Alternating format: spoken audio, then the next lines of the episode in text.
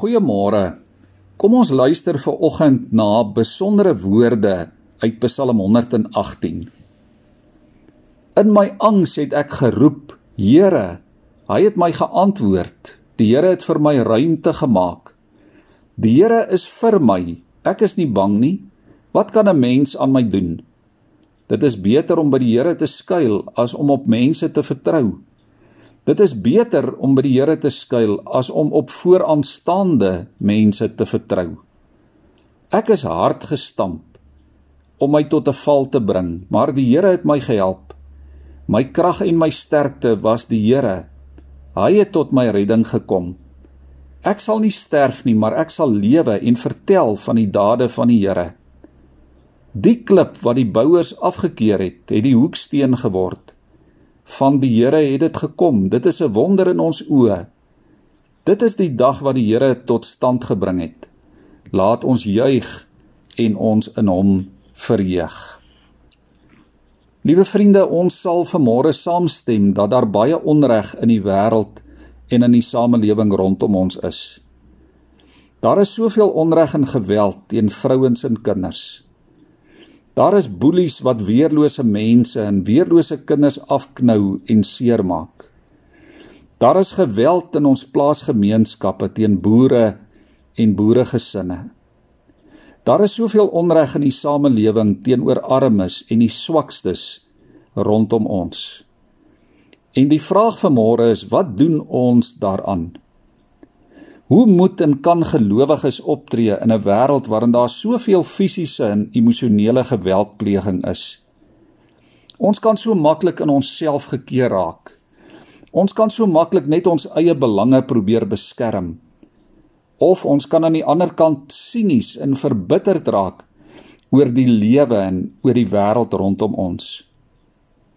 Die digter van Psalm 118 kon baie moontlike koning gewees het wat baie onreg en teenkanting beleef het.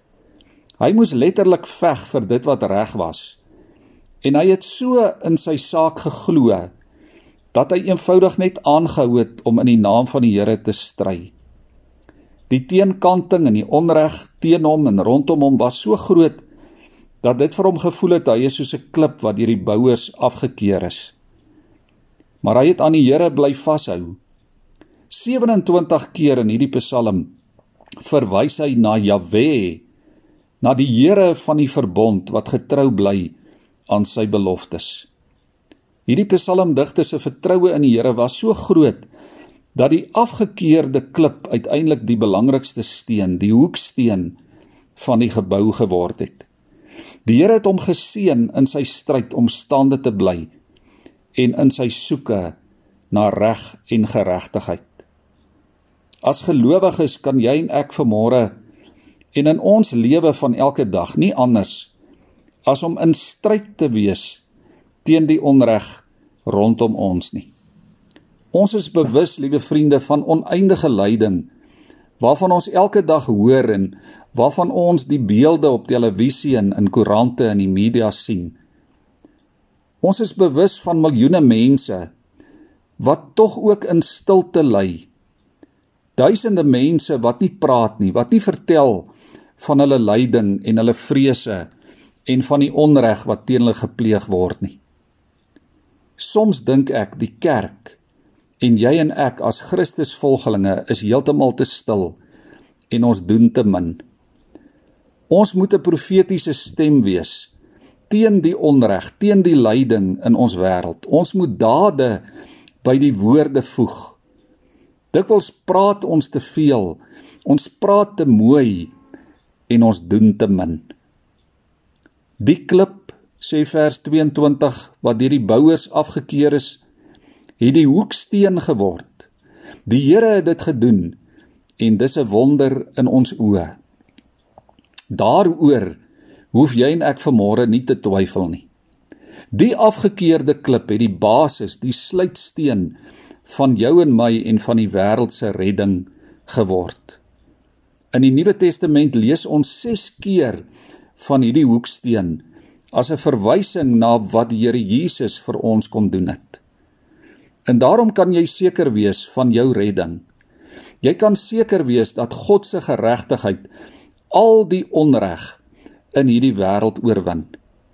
Liewe vriende, ons moet opstaan en dit begin verkondig. Staan op in die naam van die Here teen die onreg rondom jou en leef sy geregtigheid deur jou getuienis en deur jou voorbeeld. Kom ons bid saam. Here, ons hoef vanmôre nie bang te wees nie. Want wat kan mense aan ons doen? Ons gebed vir oggend is Here dat U ons sal help om in U naam te kies om te leef vir dit wat reg en wat waar is.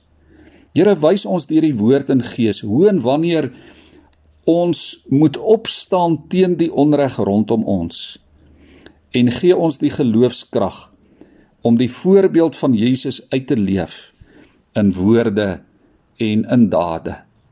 Amen.